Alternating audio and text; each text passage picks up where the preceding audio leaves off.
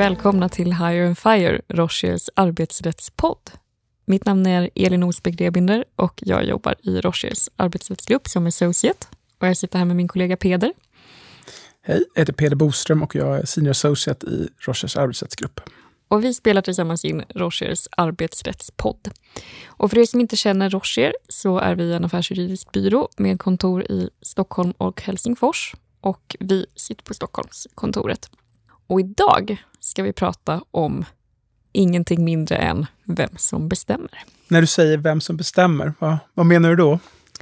Ja, på en arbetsplats dyker det ibland upp frågan om vem som bestämmer. Den kan komma upp för att en arbetsgivare säger jag vill att du istället för att göra det du brukar göra, tvätta fönster. Eller den kan komma upp för att man vill börja tillverka någonting nytt och eh, de anställda inte vill tillverka det.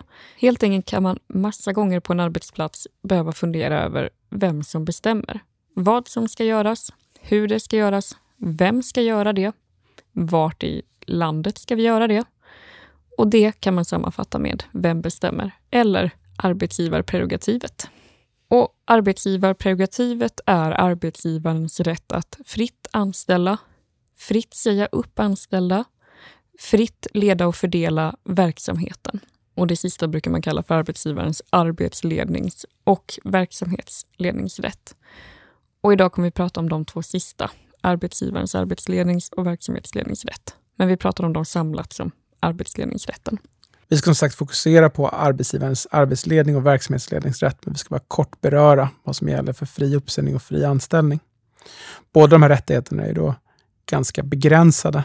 Så även om vi säger att rätten är fri, så är den inte det? Eller det är inte hela sanningen? Nej, för till exempel rätten att säga upp personal är begränsad av LAS, diskrimineringslagen och föräldraledighetslagen. Och detsamma gäller till stor del eh, rätten att fritt anställa. Även där kan det finnas begränsningar i LAS, till exempel om någon har återanställningsrätt. Det finns definitivt begränsningar vad gäller diskriminering och det finns begränsningar när det gäller föräldralediga. Och då har vi kvar våra godbitar, eh, nämligen arbetsledningsrätten och verksamhetsledningsrätten. Och är den fri då? Nej, inte den är väl egentligen helt fri den heller, men den är klart mindre begränsad än de två första kategorierna. Och vi tänkte gå igenom några exempel på när arbetsledningsrätten och verksamhetsledningsrätten inte är fri. Det första vi ska prata om det är 11, 12 och 13 paragrafen i medbestämmandelagen, som ofta då kallas MBL. Och vad säger de? Varför är det en begränsning av arbetslednings och verksamhetsledningsrätten? Vad det gäller 11 paragrafen så innebär reglerna i korthet att en arbetsgivare innan man fattar viktigare beslut måste förhandla med de som man har kollektivavtal med. Tolfte paragrafen innebär att arbetsgivaren i vissa andra fall är tvungen att avvakta med att fatta beslut om vissa åtgärder innan man har slutfört förhandlingar med de som man har kollektivavtal med, under förutsättning att de organisationerna har begärt det. Enligt med trettonde paragrafen MBL är en arbetsgivare under vissa förutsättningar också ett skyldig att förhandla verksamhetsövergång och arbetsbristuppsägningar även i förhållande till organisationer som man inte har kollektivavtal med. Och det finns även vissa andra särpräglade fall med att förhandla enligt 13 paragrafen MBL. Och då är ju en viktig fråga, när vi då har sagt att arbetsledningsrätten och verksamhetsledningsrätten är begränsad av den här förhandlingsskyldigheten som finns i MBL. Vad menar vi då med förhandlingsskyldighet? Betyder det att man liksom är två eh, jämbördiga kommersiella parter som förhandlar om en utgång, eller vad säger du Peder? Nej, utan det är en, ett regelverk som innebär att innan man fattar de här besluten då är skyldig att förhandla med facket. Men förhandlingsskyldigheten innebär egentligen inte mer att man behöver prata med facket och liksom noga gå igenom frågorna. Men det finns absolut ingen som helst skyldighet att komma överens. Utan är det då så att man inte kommer överens med sina fackliga motparter så blir det så som arbetsgivaren vill. Så som en sorts slutsats så är det en skyldighet som är procedurorienterad snarare än en skyldighet att komma överens materiellt med facket. Så när man nu har förhandlat färdigt med facket, finns det då några begränsningar för vad man kan tvinga sin personal att göra? Ja, man brukar prata som en yttre ram att arbetsledningsrätten, eller för arbetstagarna då motsvarande arbetsskyldigheten, den begränsas av lag, avtal och god sed. Och med avtal menar vi både kollektivavtal och individuella avtal. Så där någonstans har vi ramen för vad man kan instruera och kräva att en arbetstagare ska göra.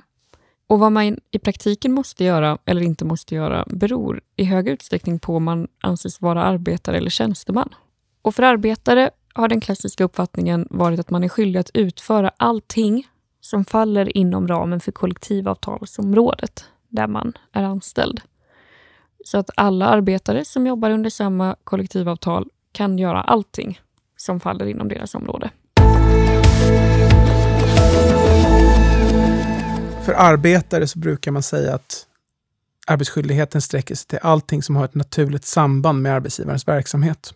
Och för tjänstemän så säger man att gränsen går vid om tjänsten kan anses ha ändrats i grunden eller inte. Så där pratar man om att arbetsskyldigheten är snävare och att det finns ett mer begränsat område där man är skyldig att utföra arbete, medan arbetarna har ett bredare och mycket mer omfattande område där man är skyldig att utföra arbete. Vilka begränsningar innebär det då att det finns för tjänstemän? Dels att man som tjänsteman i princip inte behöver utföra uppgifter som faller inom arbetarområdet. Och utöver att vi är nyfikna på vem som bestämmer så kan man ju undra vad det får för praktisk betydelse att man är eller inte är skyldig att utföra någonting som arbetsgivaren säger. Och det har praktisk betydelse på så sätt att om man anses vara skyldig att göra det, men låter bli, då kan det utgöra arbetsvägran som kan vara saklig grund för uppsägning.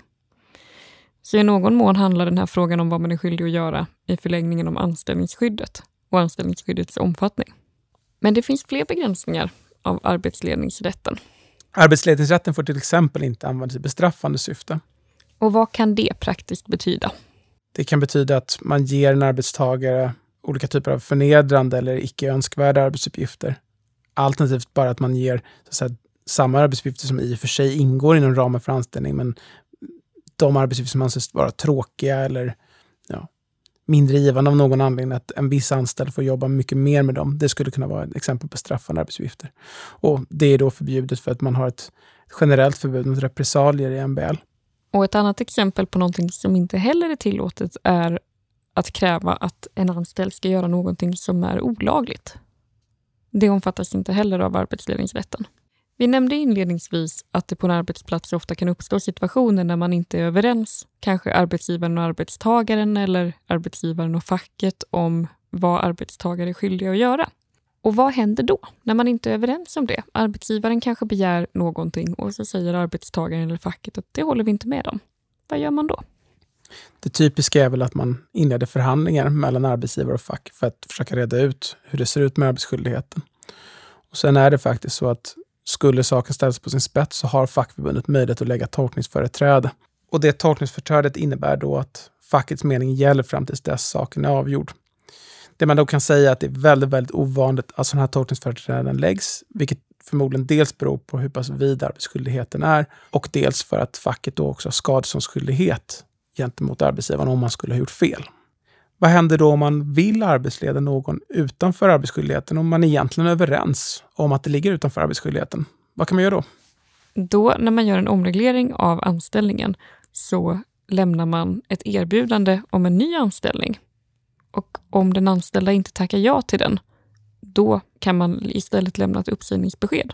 Och som en sammanfattning av det här så kan man se att även om arbetsledningsrätten och verksamhetsledningsrätten i viss mån är begränsad av olika procedurfrågor eller rent materiellt in, i termer av att man har ett avtal som bestämmer arbetsskyldigheten så har arbetsgivaren ändå inom ramen för det ganska stor frihet att ge nya arbetsuppgifter och i slutändan också faktiskt möjlighet att lämna ett erbjudande om en ny anställning.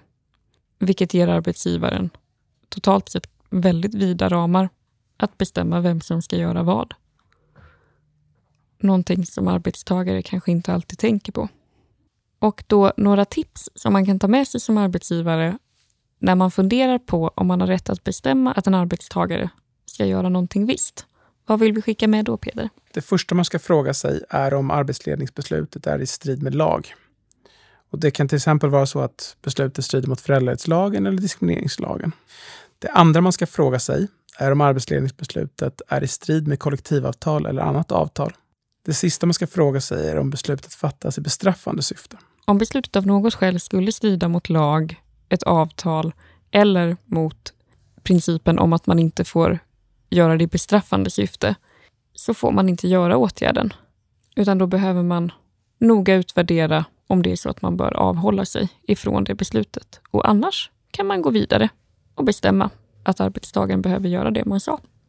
Och sammanfattningsvis, som huvudregel kan man säga att arbetsgivaren är fri att bestämma vad arbetstagare ska göra, men man behöver komma ihåg att det finns många undantag från den regeln.